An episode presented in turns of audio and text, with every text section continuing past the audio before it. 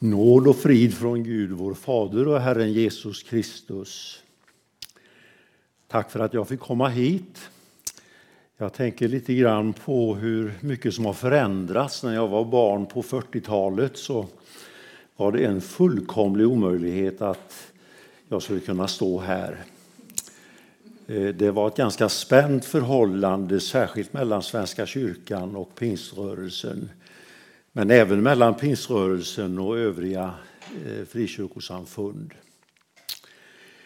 Jag tänkte börja ifrån allra första början, första Mosebok, eh, där det talas om paradiset, hur Gud skapade världen. Eh, och visst kan man tänka att paradiset på ett sätt finns kvar vi sjöng om en vänlig grönskas rika dräkt som har smyckat dal och ängar. Och det finns andra sommarsalmer och sommarsånger som påminner om detta. Och eh, när man ser fåglarna så är det väl något av paradiset när man ser dem flyga och leva sina liv. Men eh, kommer man fram till tredje kapitlet i Mosebok, första Mosebok, Eh, så står det ju om där hur det onda kommer in i världen och kanaliseras ju genom oss människor. Och det ormen säger till människan, det är ju ni ska bli som Gud. Och allt sedan den dagen så har vi försökt och försökt att liksom lyfta undan Gud det finns ingenting högre än människan, inget utanför människan, ingen högre kraft. Och vi liksom vill sätta oss själva, sätta människan på Guds tron. Och det är ju därför det ser ut mitt i paradiset så som det gör. Och eh, vi kan ju inte beskylla Gud för att det ser ut så det vi läser om, det vi ser på tv, hör i radion. Det är ju inte bara i Ukraina det är krig, det är det ju på väldigt många ställen i världen. Och eh, detta att folk svälter ihjäl långt borta i Afrika därför att fartygen hindras att sända säd ifrån Ukraina. Nu är det vissa fartyg som får komma igenom ut ur Svarta havet men ändå så svälter folk trots att det finns mat, att det finns säd. Att bli som Gud, ja det har varit människans strävan. Det var ju det som Jesus frestades till. Djävulen visade Jesus alla riken i världen och sa att allt det här ska tillfalla dig om du faller ner och tillber mig. Och man kan ju se i historien hur eh, många det är som har gått den vägen. Vår egen kung Karl XII som härjade i hela Europa. Vi kan se Hitler, vi kan se Stalin och i vår tid Putin. Och det finns många, många andra som har försökt sig på den vägen. Eh, men eh, det är inte bara dem, utan vi har nog lite grann av detta i oss alla. Att vi vill bli någonting i oss själva. Och att Gud kanske ibland blir liten och att vi vill göra oss själva stora. Så var det i Babel. Eh, folket i Babel berättas det om i Första Mosebok 11.4. Och det står om dem, de vill göra sig ett namn genom att bygga ett torn vars spets når ända upp i himlen. De ville göra sig ett namn, bli som Gud, göra sig ett namn. Ja, det är ju den inomvärldsliga livssynen som dominerar väldigt mycket i vår tid, i vårt land, och i hela Europa egentligen. Och det som är själva grundsynden, det är ju egoismen, inkröktheten i oss själva som Paulus talar om. Och det där tornet det bygger vi på med till exempel sådana här uttryck som att vi måste förverkliga oss själva. Eh, vi lägger stenar på det där tornet, livstornet.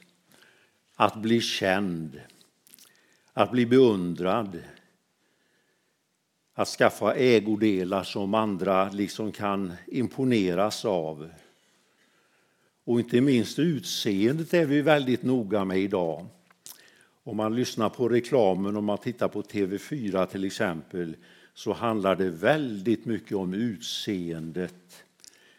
Skönhetsoperationer för hundratusentals kronor kan hålla oss yngre lite längre. Och använder du det här medlet så kan du leva lite längre. Eh, vi har nog sett när våra barn och barnbarn, kanske till och med barnbarnsbarn, eh, har byggt torn med klossar. Eh, då börjar det svaja rätt som det är och så blir det ett ras. Och allt är i en enda röra. Eh, det är många människors livstorn som har rasat. Jag tänker på ett särskilt som har gått till historien. I USA efter första världskriget så var det ju det glada 20-talet då allt var möjligt.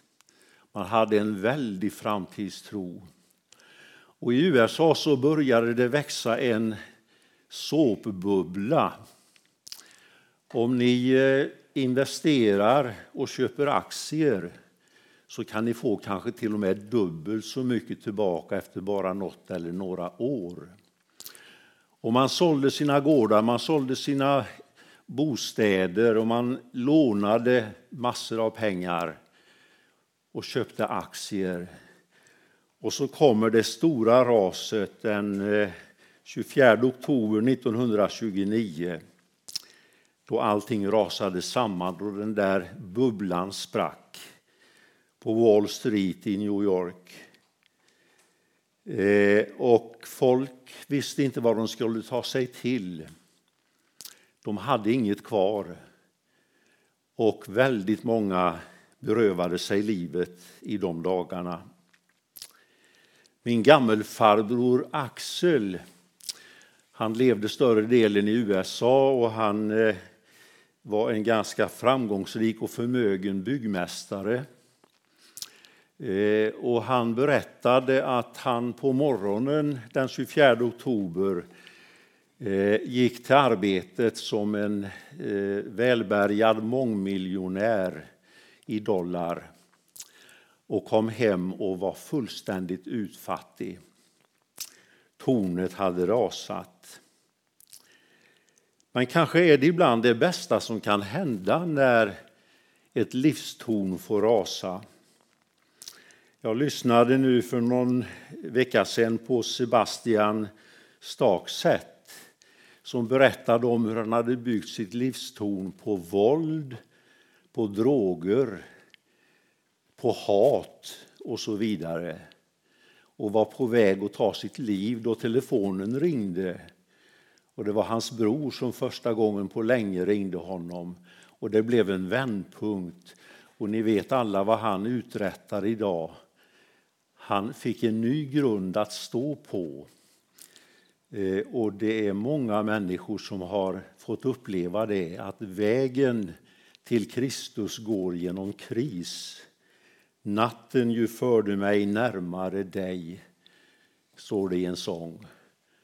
Och eh, Jobb han skriver ju det, hur skulle vi kunna lära oss att be om inte vägen gick genom svårigheter och nöd. John Newton på 1700-talet var en av dem. En slavskeppare som eh, behandlade sina slavar fruktansvärt illa. Eh, fylld av självhävdelse och egentligen hat.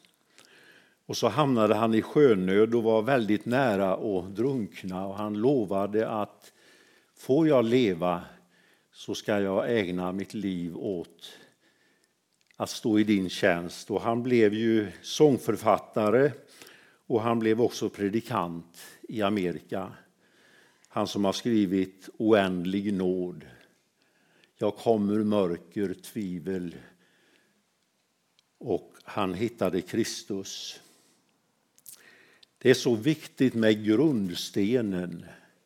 Och det talas ju här i ett bibelord som du hade med att ingen annan grund kan läggas än Jesus Kristus. Det är den enda grund som håller att bygga sitt livstorn på. Jesus, han som eh, var Gud själv på jorden. Han som säger jag är uppståndelsen och livet. Den som tror på mig, han ska leva om han än dör. Och var och en som lever och tror på mig, han ska aldrig någonsin dö. Han som säger jag är vägen, sanningen och livet. Ingen kommer till Fadern utan genom mig. Det jag genom åren också har förstått det är att man kan bygga faktiskt ett andligt Babels torn. Och jag skulle vilja då lyfta fram det här med nådegåvorna. Och man kan väl säga att det finns två diken. Ett dike, där befann jag mig själv i många, många år. Eh, därför att de gamla kyrkorna, även Svenska kyrkan, många frikyrkosamfund i Sverige, eh, de hade ju liksom lagt nådegåvorna i träda. Det är ingenting för vår tid, det är ingenting för oss. Och man sa till exempel, minns jag, att det här med tungomålstalet, ja det ska tystna, säger Paulus. Men Paulus menade ju att det en gång ska tystna i himmelen. Då vi talar det himmelska språket, då behövs det inget tungomålstal, inga andra språk heller. Och så kommer, ja det är ju Levi Petrus egentligen, som har fått kontakt med en norsk sjöman och predikant som kommer till Sverige. Och anden faller i Skövde, i baptistkyrkan. Jag har varit inne i det rummet. Och tyvärr blev det ju en stor splittring mellan baptistkyrkan och den pingstkyrka som uppstod. Och när, när Petrus eh, blir pastor i baptistkyrkan i Stockholm så blir han ju utesluten därför att han ville att alla skulle vara välkomna till nattvardsbordet. Men det ville inte baptistförsamlingen. Och då kunde han bilda det som blev Philadelphia församlingen. Och eh, Pingströrelsen bemöttes ju med stor skepsis i början. Väldigt stor skepsis. Och eh, pingstvärn blev ju nästan på ett skällsord. var negativt laddat. Och Levi Petrus han berättar i sina memoarer, jag har alla hans böcker hemma, han berättar att han blev kallad till ett samtal med en överläkare på ett mentalsjukhus. Och eh, senare förstod han att vad det här handlade om det var en sinnesundersökning. Är han riktigt frisk? Är det här nyttigt? Kan man inte bli psykiskt skadad av det som händer i de karismatiska kretsarna? Ja, men vi kom upp ur det där diket faktiskt. Jag själv kom upp ur det också. Och eh, det var ju framför allt några personer som kom till oss här i Sverige. En som hette Graham Pulkingham från Redeemer Church i USA. En vanlig präst som hade, som vi säger i karismatiska sammanhang, ibland blivit andedöpt eller fått andeuppfyllelse. Och han kom till oss och berättade om hur nådegåvorna i funktion kunde fungera. Kunde fungera. Och framförallt berättade han ju om detta med helandets gåva, hur människor blev helade i hans församling. Och det var som om vi hade vaknat många präster. Det var ett seminarium för präster, jag tror det var på Flemslätt.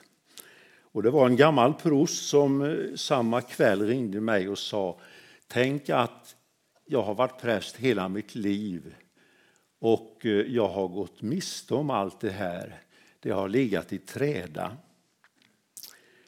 Och eh, det kom också en annan eh, präst från England som hette John, John eh, Newton nej, förlåt mig.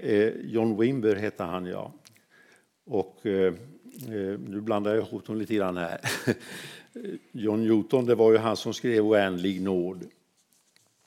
Men det jag upptäckte då för min egen del, det var ju att jag var på väg att bygga ett andligt Babels torn utan den rätta grunden. Eh, jag var väldigt mån om att få fler andliga gåvor. Och jag förstod senare att det här var ju inte för att Jesus skulle bli stor, utan det var ju för att jag själv skulle bli stor. Göra mig ett namn, bli omtalad, kanske uppsökt, omskriven. Och då var det som om Gud sa till mig att du får vara nöjd med de gåvor du har fått. Jag tror du är blind för de gåvorna. Men det är jag, Gud, som genom den heliga Ande fördelar gåvorna. Det är ingenting du kan tjata dig till. Jag kan ge dig i nåd, för det är en nådegåva, men var nöjd med det du har fått. Och där tror jag att inte bara jag utan väldigt många lätt kan hamna i ett slags andligt Babeltornsbygge där man tänker jag kanske kan bli en bättre kristen än alla andra. Jag kanske blir omtalad. De söker upp mig. Men nådegåvorna de är ju till för andra. De är till för de människor vi möter på vägen, för församlingen. Och jag är för min del övertygad om att om jag hade fått den här gåvan att bedja för sjuka så hade jag nog inte orkat med det. Eh, jag tror det hade blivit för jobbigt för mig. Det var inte den gåva jag skulle ha. Och eh, då tror jag också att det är väldigt viktigt att vi ser på de andra gåvor som står i Romarbrevet till exempel. Det är inga lysande gåvor. Det står till exempel om tjänandets gåva. Det blir vi inte berömda för. Barmhärtighetens gåva, tröstens gåva, generositetens gåva, att uppmuntra andra, gästfrihetens gåva. Jag tror väldigt många människor har fått de här gåvorna, men de märks inte. Det är ingenting som man talar om, men de är lika viktiga som de andra lite mer extraordinära gåvorna.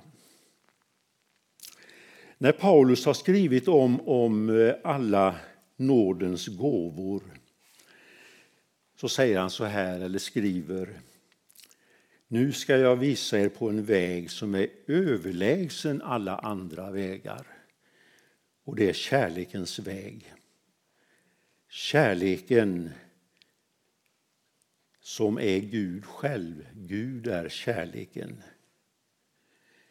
Och så skriver han så här, om jag, om jag talar människors och änglars språk men saknar kärlek så låter det som ekande brons eller skrällande symbol. Om jag har tro så jag kan försätta berg men saknar kärlek så är det ingenting. Om jag delar ut allt jag äger och låter mig brännas på bål men saknar kärlek så har jag ingenting vunnit. Och så kan man säga att för ett livsbygge, ett livstorn, så behövs det en grundsten den som är Jesus Kristus själv. Ingen annan grund går att bygga sitt liv på om det ska bli ett meningsfullt liv och ett liv som räcker ända in i evigheten. Men de där olika stenarna som vi bygger och lägger på den där grunden, det som håller ihop dem, det är ju kärleken som Paulus skriver. Har vi den grunden, har vi byggt våra livstenar med cement, Jesu kärlek som murbruk emellan, då kan vi se fram emot vår ålderdom och mot evigheten. Därför att störst av allt är kärleken. Herre, vi tackar dig för den grund som du lade genom Jesus Kristus. Tack för att han kom hit till jorden och visade oss vem du är. Visade oss på vägen som leder till livet. Och att den som har Sonen har livet. Tack för att du också tog itu med det där som vi åstadkom genom syndafallet. Att du tog på dig all världens lidande och nöd. Allt ifrån syndafallets dagar och även inför kommande dagar gick korsets väg. Och att vi därför kan sjunga som vi gör, så som Jesus kärlek var, aldrig någons varit har. Tack för att du är vår Herre. Tack för att du är den grund som vi bygger våra liv på. Amen.